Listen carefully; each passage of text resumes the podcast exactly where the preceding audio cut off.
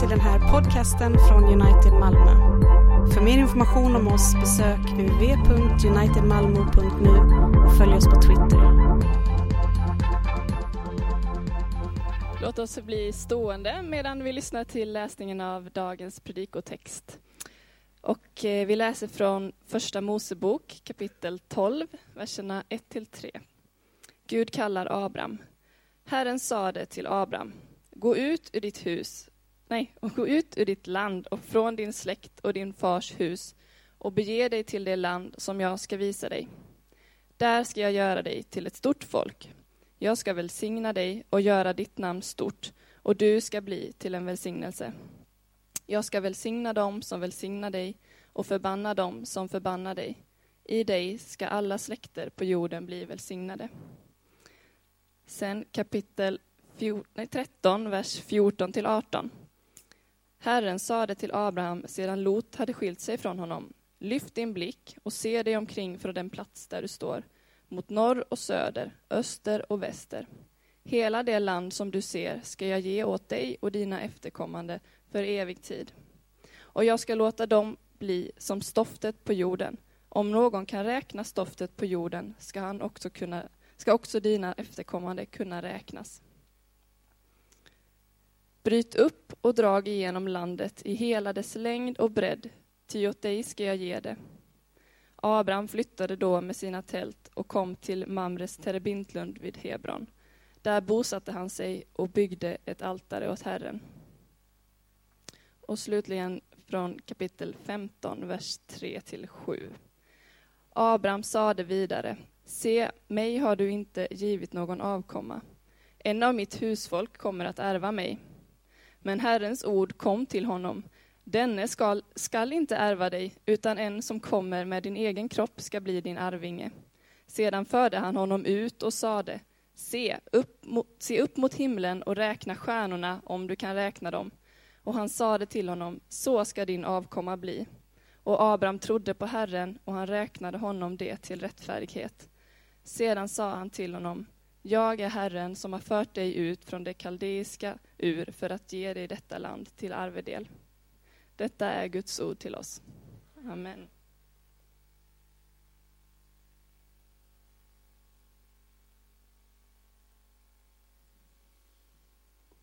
Fader Abraham har vi kommit till nu.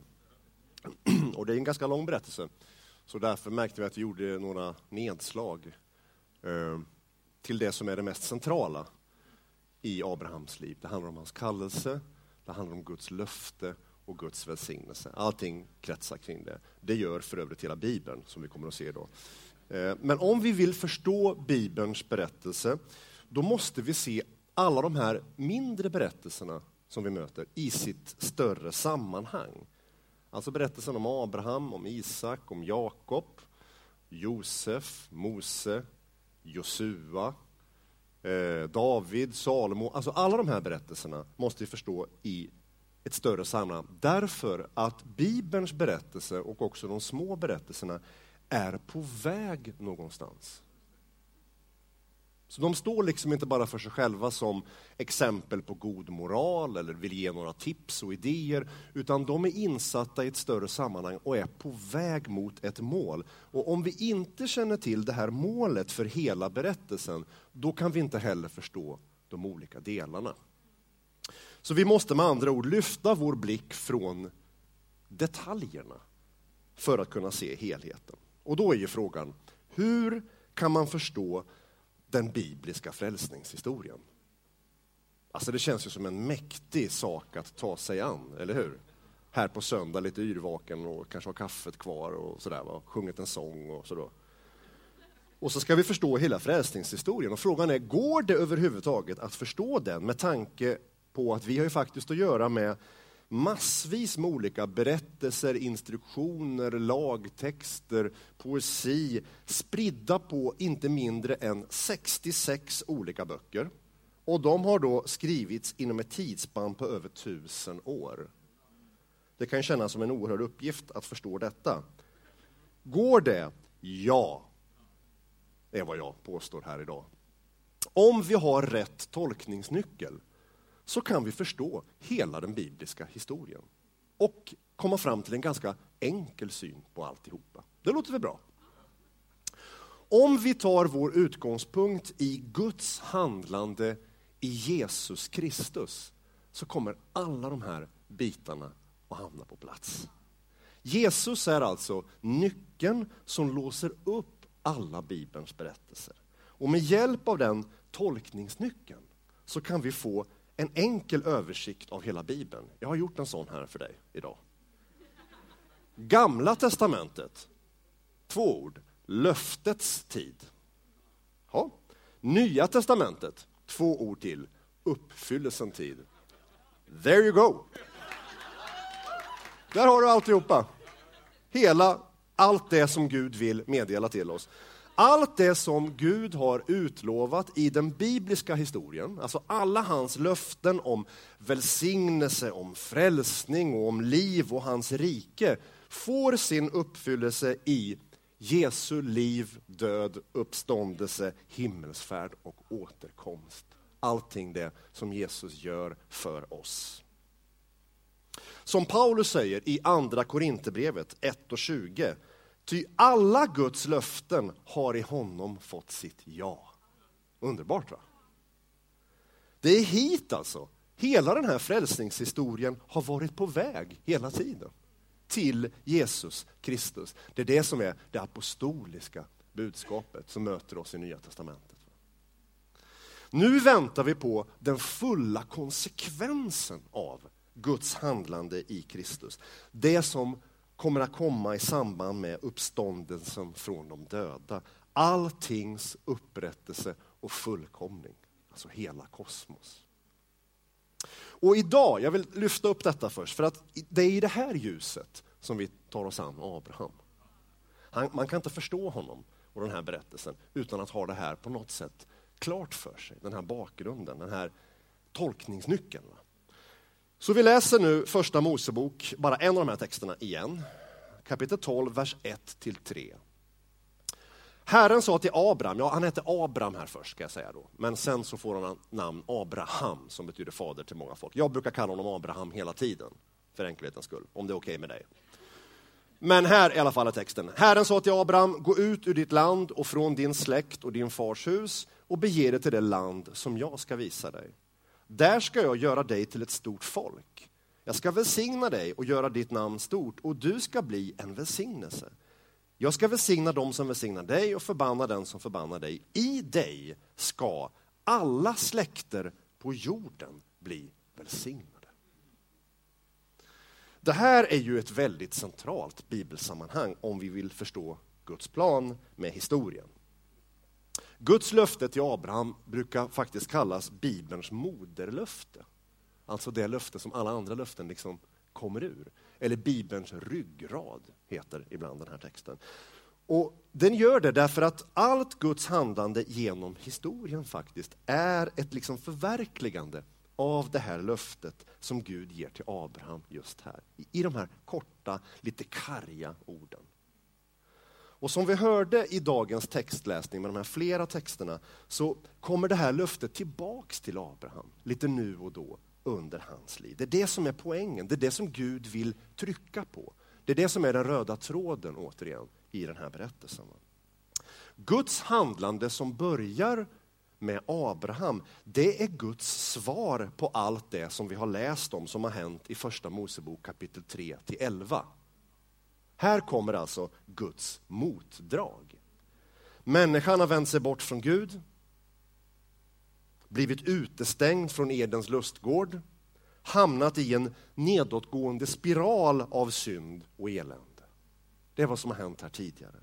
Och i och med Abraham, då kommer då det här motdraget från Gud. Gud har en plan. Han har en tanke, han har goda syften med mänskligheten och världen. Och det är inledningen på Guds frälsningshandlande i historien. Förverkligandet av Guds plan, som vi sen får veta längre fram, som Gud alltid har haft inom sig själv, innan han skapade världen till och med. Det får vi veta, det kommer ni ihåg från Efesierbrevet och de här texterna. Och vi har också skymtat den här planen tidigare i Första Mosebok. Det började redan på fallets dag, om du kommer ihåg. med Guds löfte om kvinnans säd, de här märkliga orden, som en dag skulle söndertrampa ormens huvud. Kommer du ihåg det? Och i berättelsen om Noa och arken, som ju förebådar Guds frälsning för alla som tar sin tillflykt till Guds löfte. Lyssnar på detta löfte, förtröstar på det och handlar i enlighet med det. Alla de hamnade i arken. De var inte så många förvisso. Men i och med Abraham så tar den här frälsningshistorien fart på allvar. Och nu börjar vi se ett mönster i Guds handlande. Och det är viktigt att lägga märke till. Så vad lär vi oss då om Guds frälsningsplan i berättelsen om Abraham? Vad är det egentligen för slags mönster som framträder? Och jag vill idag lyfta fram tre saker som vi kan lära oss av den här berättelsen om Abraham. För det första, vi, och det har jag varit inne på här nu, vi lär oss hur vi ska förstå den bibliska historien. Med andra ord, att läsa Bibeln rätt. För man kan läsa Bibeln helt fel. Och det sker jätteofta. Folk kastar omkring bibelord och alla möjliga saker som de tycker är viktiga och som de finner i Bibeln. så att säga. Men Bibeln blir läst fel många gånger. Och i Abraham lär vi, lär vi oss genom den här berättelsen att läsa den rätt. Om vi ska förstå Guds handlande genom Bibeln så måste vi läsa de här texterna på tre nivåer. Och jag vet, du tänker du så här, oj, oj, oj, nu blir det tekniskt. Nu blir det nivåer och nu blir det skikt och snart kommer de plocka fram någon sån här jättelik eskatologiskt schema här bakom också. Med tre års, ni vet, med årsveckor i Daniel och sånt här. Men jag kommer inte att göra det. Det kan låta lite tekniskt det här med nivåer. Men låt mig bara jättekort få förklara vad det handlar om, så ska du få se att det är hur enkelt som helst och det kan du göra omedelbart när du läser Bibeln. Så vi tittar på den här berättelsen och så börjar vi med nivå tre. Okay? Grundnivån. Vad är det här för berättelse? Jo, berättelsen om Abraham är en berättelse om just Abraham. Ja, det var ju... Du märkte det? Vi snackar om grundläggande nivå. Det här är ingenting annat än berättelsen berättelse om Abraham. Så den rör sig alltså på ett individplan. Det är den grundläggande nivån. Vad var då Abraham för person? Jo, han var, får vi veta i det större sammanhanget, en avgudadyrkare faktiskt. Det står att hans fader Tera var en avgudadyrkare. Vi kan ju anta att Abraham också var det. Alla var det nämligen där i Ur i Kaldén. Eh, från staden Ur i Kaldén. Och så blev Abraham en dag märkligt kallad av Gud. Och vi vet inte riktigt hur det här gick till. Va? Men han blev helt plötsligt kallad av Gud att lämna hela sitt gamla sammanhang. Allt det där han kommer ifrån. Sitt hus, sin stad, eh, sitt land och sin släkt för att bege sig till Kanans land. Och där får Abraham det här löftet om att Gud ska välsigna honom. Gud har ett gott syfte med honom. Han vill Abraham väl på det här individplanet. Och han får löfte om, eh, eller det här löftet kan vi säga konkretiseras just i löftet om en son, vilket ju är ett helt knasigt liksom, löfte eftersom Abraham och Sara är ja, runt 90 år. Va?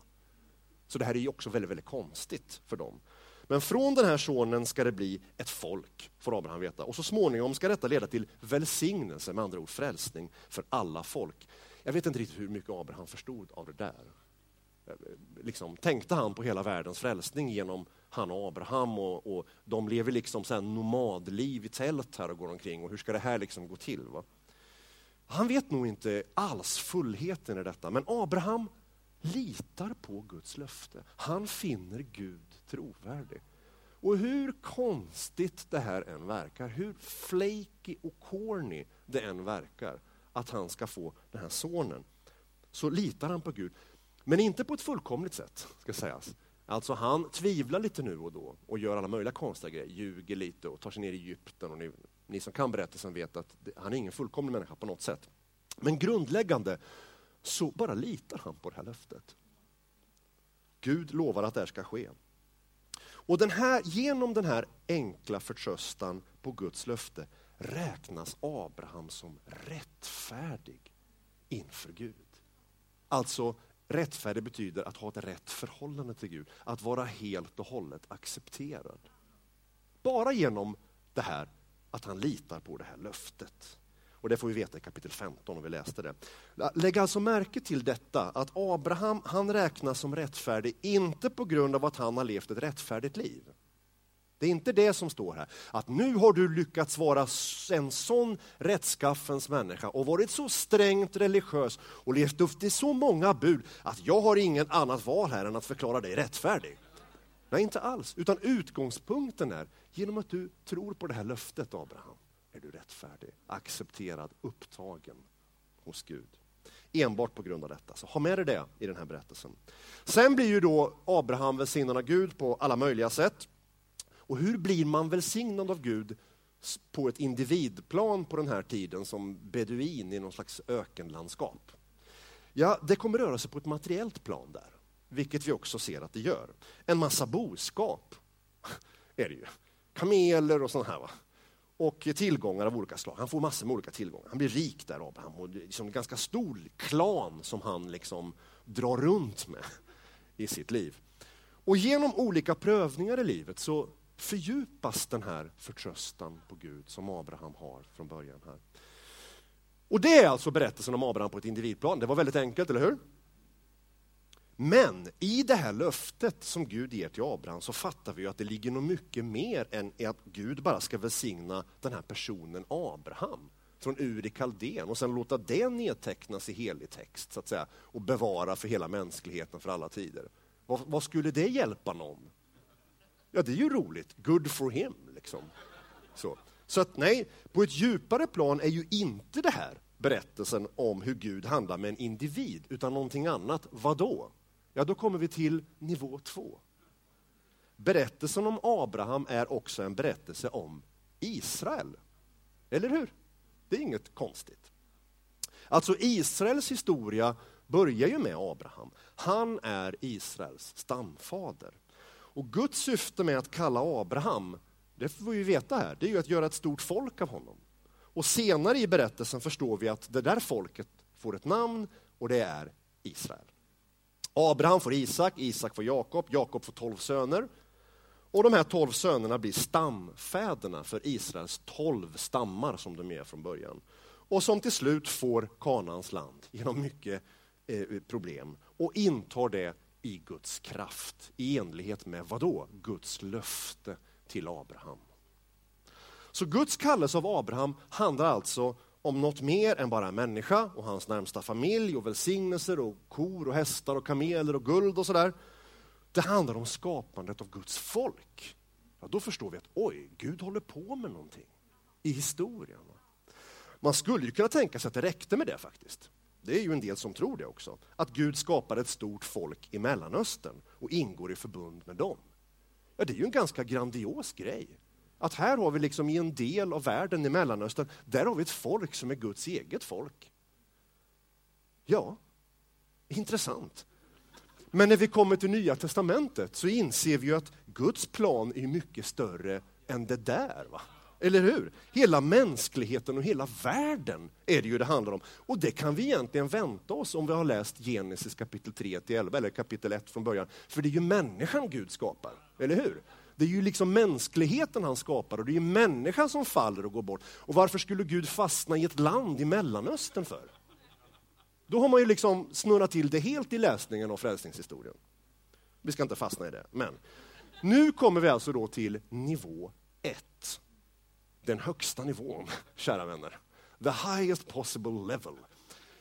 Berättelsen om Abraham är djupast sett då berättelsen om vad då? Hela världens frälsning. Ser ni, det var inget konstigt alls att läsa så här. Det ligger ju i detta. Och kära vänner, så kan du läsa varje berättelse i Gamla Testamentet. Inte bara Israels frälsning alltså, ligger på Guds hjärta, utan världens frälsning. Och det visar sig att Israel, alltså senare sen, visar det sig att Israel är bara ett steg på vägen i Guds frälsningsplan. Från Israel, för det, alltså berättelsen är, är fortfarande på väg någonstans nämligen, efter Israel. Så från Israel kommer till slut Jesus Kristus, får vi veta i Nya Testamentets texter, som inte bara är Israels frälsare, han är Israels frälsare, men han är också hela världens frälsare. Det är det som är de helt otroliga, goda nyheterna i evangelium. Jesus är världens frälsare. Nu vet du vad det betyder. Som Johannes ju säger när Jesus dyker upp på scenen i de här underbara åren. Tänk på det, här kommer Jesus som ju Johannes kusin också. Märklig grej. Helt plötsligt så ser Johannes någonting annat och säger, se Guds lamm som tar bort världens synd. Där snackar vi uppenbarelse. Vilken grej! Hela världens synd ska tas bort. Han är Guds lamm. Så Johannes börjar förstå någonting av det historiskt helt otroliga i vad Jesus har kommit för att göra. Och där börjar vi ana vart den här berättelsen som började med Abraham har varit på väg hela tiden. Och då kan vi förstå den rätt.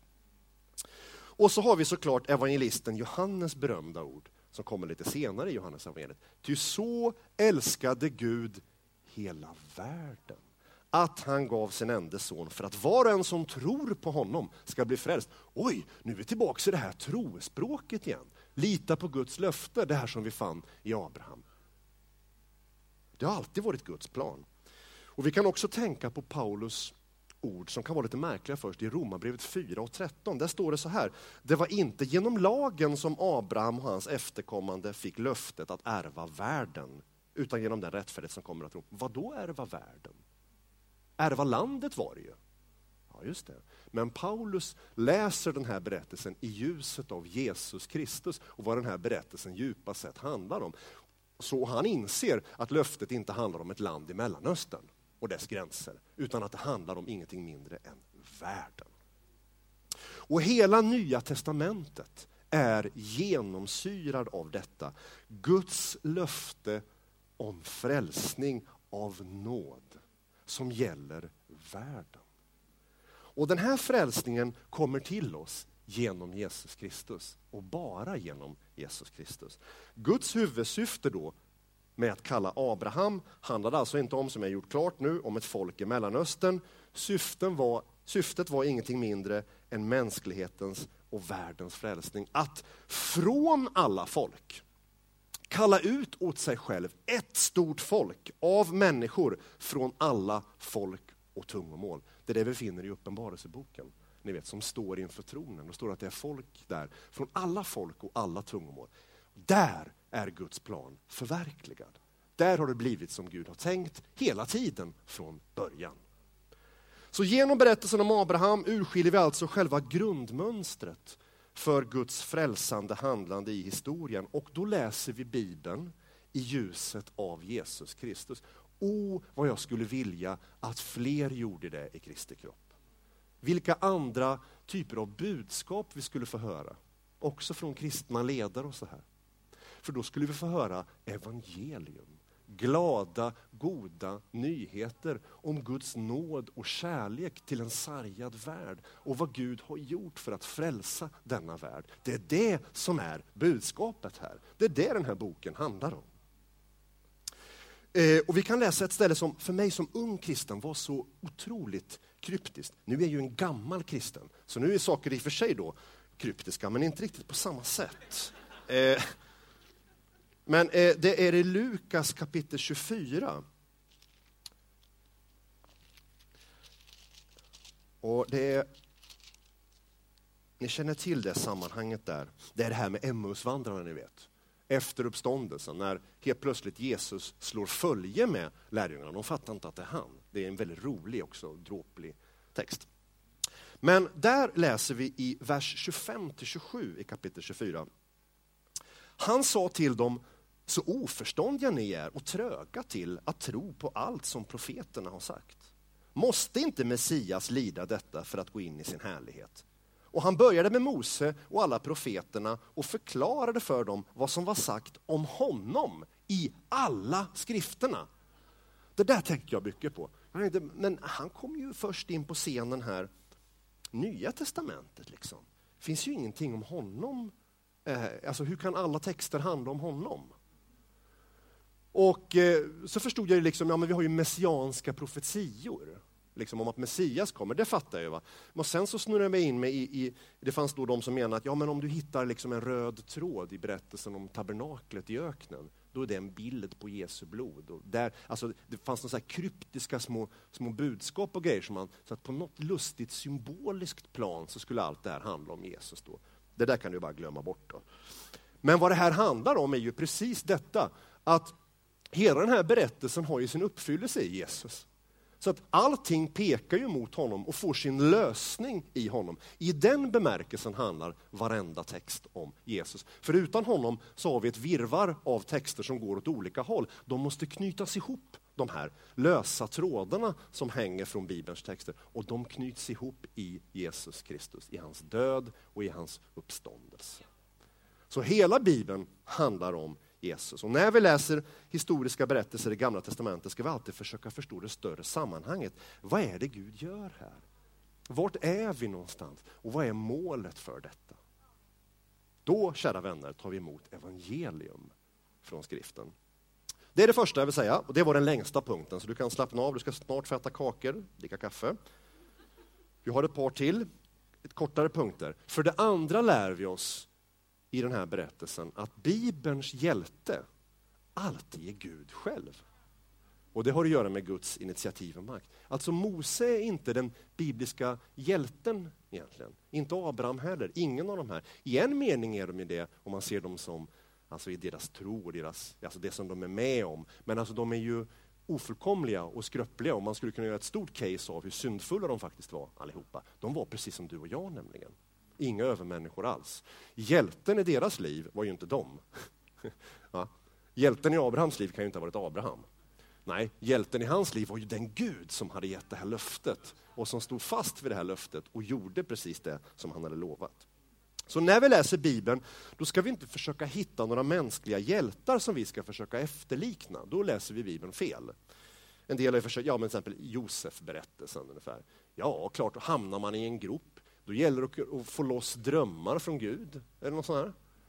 Eh, jag har hört alla möjliga grejer, så det, är inte alls poängen med den berättelsen. Då, då. Eh, för det är Gud själv som är hjälten i berättelserna. Och meningen är alltså att vi ska lära känna honom och lita på honom genom att vi ser hans handlande med människor i de här berättelserna.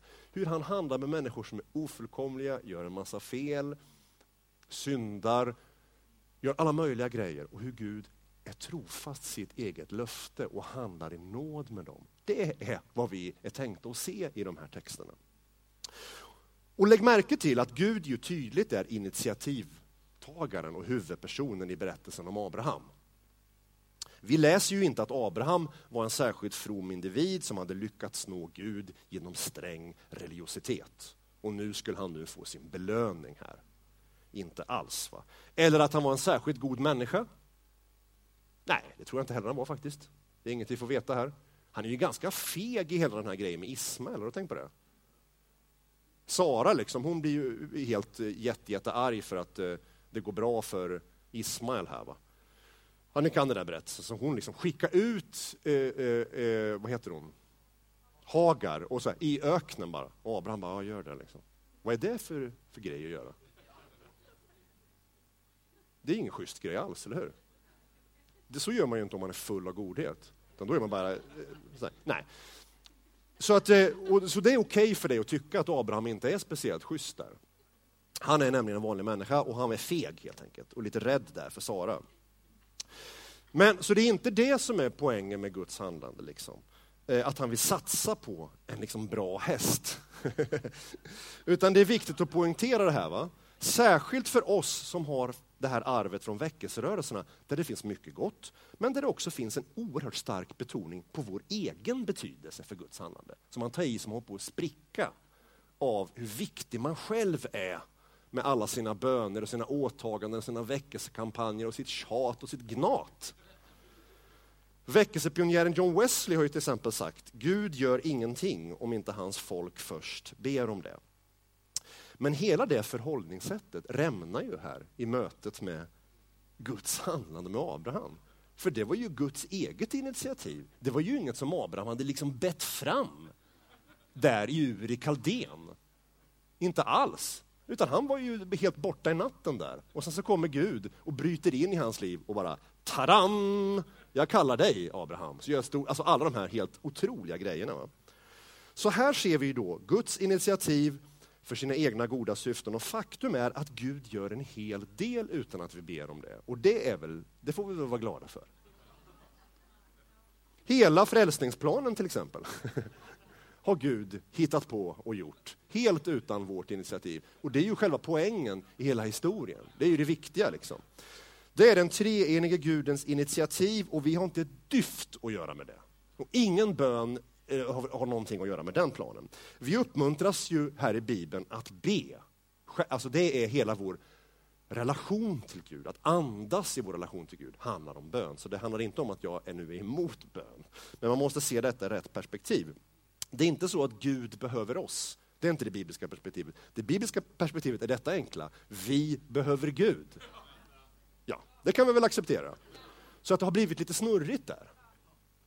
När vi har vänt på den grejen. Men Gud i sin gränslösa nåd låter ju också våra böner vara en del av sitt handlande. Det är sant. Så är det verkligen. Men vi får inte spänna vagnen före hästen här och överbetona vår egen betydelse. För då får vi aldrig visshet och glädje hos Gud. Då är vi någon slags ja, medarbetare till Gud då, i den meningen. Vi gör 50-50. Semipelagianism heter det, om du vill ha det teologiska ordet. Men det är Gud som är huvudpersonen i den bibliska berättelsen. Alltid. Och lägg märke till vad texten säger om hur Guds löfte till Abraham ska förverkligas. Då. Ligger det i Abrahams händer det här? Vi måste ju fråga oss det. Är det så att från och med den här stunden, när Gud kallar Abraham, då ligger hela världens frälsning på Abrahams axlar? Fader Abraham här har ju liksom fått det tungt. Allt ska ju ske genom honom. Eller hur? Löftet, landet, folket och världens frälsning. Nej, det ligger ju i Guds händer. Såklart. Lägg märke till att Guds löfte till Abraham är, som det heter, villkorslöst. Det, det är ett ord som jag tycker om för övrigt. Det är oerhört underbart när någon älskar en och gör saker villkorslöst. Liksom, utan att man måste göra någonting igen för att man ska få detta. Det är ju det som är nåd. Att Gud handlar liksom bara på grund av sin kärlek och godhet och inte för att han ska tjäna någonting på det här. Va? Så det är ett villkorslöst löfte, inte alls beroende av Abraham och hans karaktär eller så, utan det står ju så, jag skall göra dig. Alltså det är ju liksom, han har bestämt sig för det Gud. Va? Jag skall välsigna dig. I dig ska alla släkter på jorden bli det, inte, det här är liksom inte uppe för förhandling. Det kommer att ske. Därför att Gud har bestämt det. Så vad vi ser i berättelsen är om Abraham, det är Guds oåterkalleliga beslut att förverkliga sin frälsningsplan som till slut kommer att beröra alla folk på jorden. Och den planen är Guds egen plan. Den är ett uttryck för hans goda vilja och beslut och ingenting annat. Och det är därför som all ära tillkommer Gud alena. Det är därför vi sjunger det. För annars skulle vi ju dela på den, eller hur? Det vore ju rimligt om Gud vore rättvis. Men om det nu är hans handlande och initiativ från början till slut, ja då ska all ära gå till honom. Och det är precis vad den ska göra också. Och det tredje och sista här, helt kort, så lär vi oss att frälsningen inte beror på gärningar utan på Guds nåd. Ni har ju hört det hela tiden, det jag har sagt här. Abraham blev kallad av Gud på grund av nåd bara. Det har vi förstått nu, eller hur? Det kunde inte vara på något annat sätt egentligen. Gud tog initiativet och förverkligade sin vilja i Abrahams liv utan att Abraham bad om det. Där har vi goda nyheter till en del av oss som märker att vi brister på alla möjliga punkter i våra liv. Men Abrahams liv som sen följde, det är också berättelsen om ett beroende av Guds nåd. Det är ingen berättelse om ett dygdemönster här va? som framträder, utan han är beroende av Guds nåd Ja, faktum är att han för Paulus är huvudexemplet på frälsning av nåd alena. Om vi går till Romarbrevet 4, ska vi läsa lite där innan vi avslutar idag. Romarbrevet, det fjärde kapitlet, där fokuserar Paulus just på fader Abraham. Och Vi kan läsa där de första fem verserna bara. För han, här har Paulus lagt ut och sagt att frälsningen är av nåd alena genom Jesus Kristus utan några som helst gärningar. Och sen inser han att han har judiska vänner som kommer att göra motstånd här och lyfta upp fader Abraham som ett dygdemönster. Okay? Så det är där Paulus nu börjar föra fram det här resonemanget i kapitel 4 och vers 1. Vad kan vi nu säga att vår stamfader Abraham har vunnit genom gärningar? Alltså han, han för en dialog med dem som tror att det, det var de som var viktiga. Om Abraham förklarades rättfärdig på grund av gärningar, ja då har han något att berömma sig av. Men inte inför Gud. Ty vad säger skriften? Abraham trodde Gud och det räknades honom till rättfärdighet. Den som har gärningar att peka på får sin lön, inte av nåd, utan som något han har förtjänat. Visst, väldigt logiskt. Men den som utan att bygga på gärningar tror på honom som förklarar den ogudaktige rättfärdig, honom räknas hans tro till rättfärdighet. Så Paulus vet ju vilken betydelse Abraham har för den bibliska historien såklart. Att han är Israels stamfader, han är uppväxt med detta. Och mönstret för Abrahams relation med Gud, själva grunden alltså, för hans gudsrelation, blir därför så viktig. För det, det mönstret kommer liksom avgöra hur Gud handlar med människor eftersom han är den här fadersgestalten i sammanhanget. Va? Att, och alla är ju kallade då i det judiska sammanhanget att vandra i Abrahams spår som kallas för Guds vän. Det är ett fint ord, det dyker upp i Jesaja och även i Jakobs brev i Nya Testamentet. Guds vän heter det där. Och Paulus lyfter då fram att Abraham blev rättfärdig inför Gud, inte på grund av gärningar, utan genom tron alena. Och ställer det alltså i kontrast till att bli rättfärdiggjord på grund av gärningar och få lön. Va? Och det är just där som Paulus undervisning om nåd kommer in. För att få nåd, det är ju att få någonting som är helt oförtjänt. Eller hur? Så att om det, är, om det är något du har förtjänat, då är det liksom inte längre nåd. Då är inte nåd längre nåd. Det pratar Paulus om sen i kapitel 9-11.